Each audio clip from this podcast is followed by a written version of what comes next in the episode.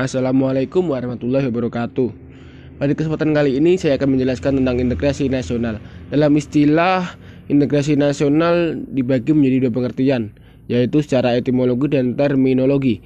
Etimologi adalah studi yang melajari asal-usul kata, sejarahnya, dan juga perubahan yang terjadi dari kalimat itu.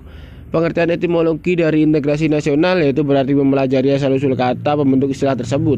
Secara etimologi, integrasi nasional terdiri dari atas dua kata, yaitu integrasi dan nasional. Terminologi dapat diartikan penggunaan kata sebagai suatu istilah yang telah dihubungkan dengan konteks tertentu. Konsep integrasi nasional dihubungkan dengan konteks tertentu dan umumnya dikemukakan oleh para ahlinya.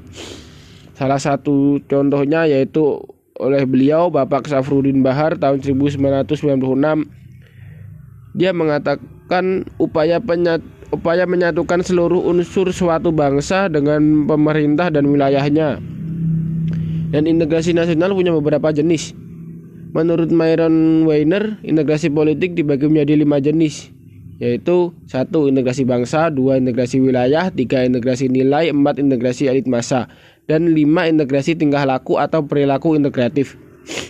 Sedangkan menurut Suryono, integrasi nasional meliputi satu integrasi politik, dua integrasi ekonomi, dan tiga integrasi sosial budaya. Selanjutnya yaitu tentang pengembangan integrasi di Indonesia. Ada beberapa ahli yang berpendapat dalam pengembangan integrasi itu sendiri. Salah satunya Howard Wringins dalam Muhammad dan Collins Max Andrew tahun 1995 menyebutkan ada lima pendekatan atau cara bagaimana para pemimpin politik mengembangkan integrasi bangsa. Kelima pendekatan yang selanjutnya kita sebut sebagai faktor yang menentukan tingkat integrasi suatu negara adalah satu adanya ancaman dari luar.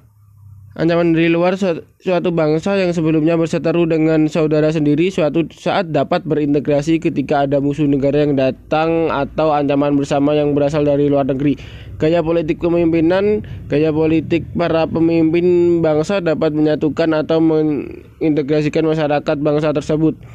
Dan kekuatan lembaga-lembaga politik, misalnya birokrasi juga dapat menjadi sarana pemersatu masyarakat bangsa.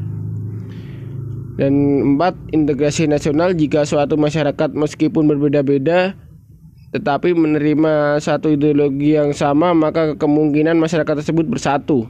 Dan yang terakhir, lima kesempatan pembangunan ekonomi. Jika pembangunan ekonomi berhasil dan menciptakan keadilan, maka masyarakat bangsa tersebut bisa menerima sebagai suatu kesatuan. Nah, terima kasih.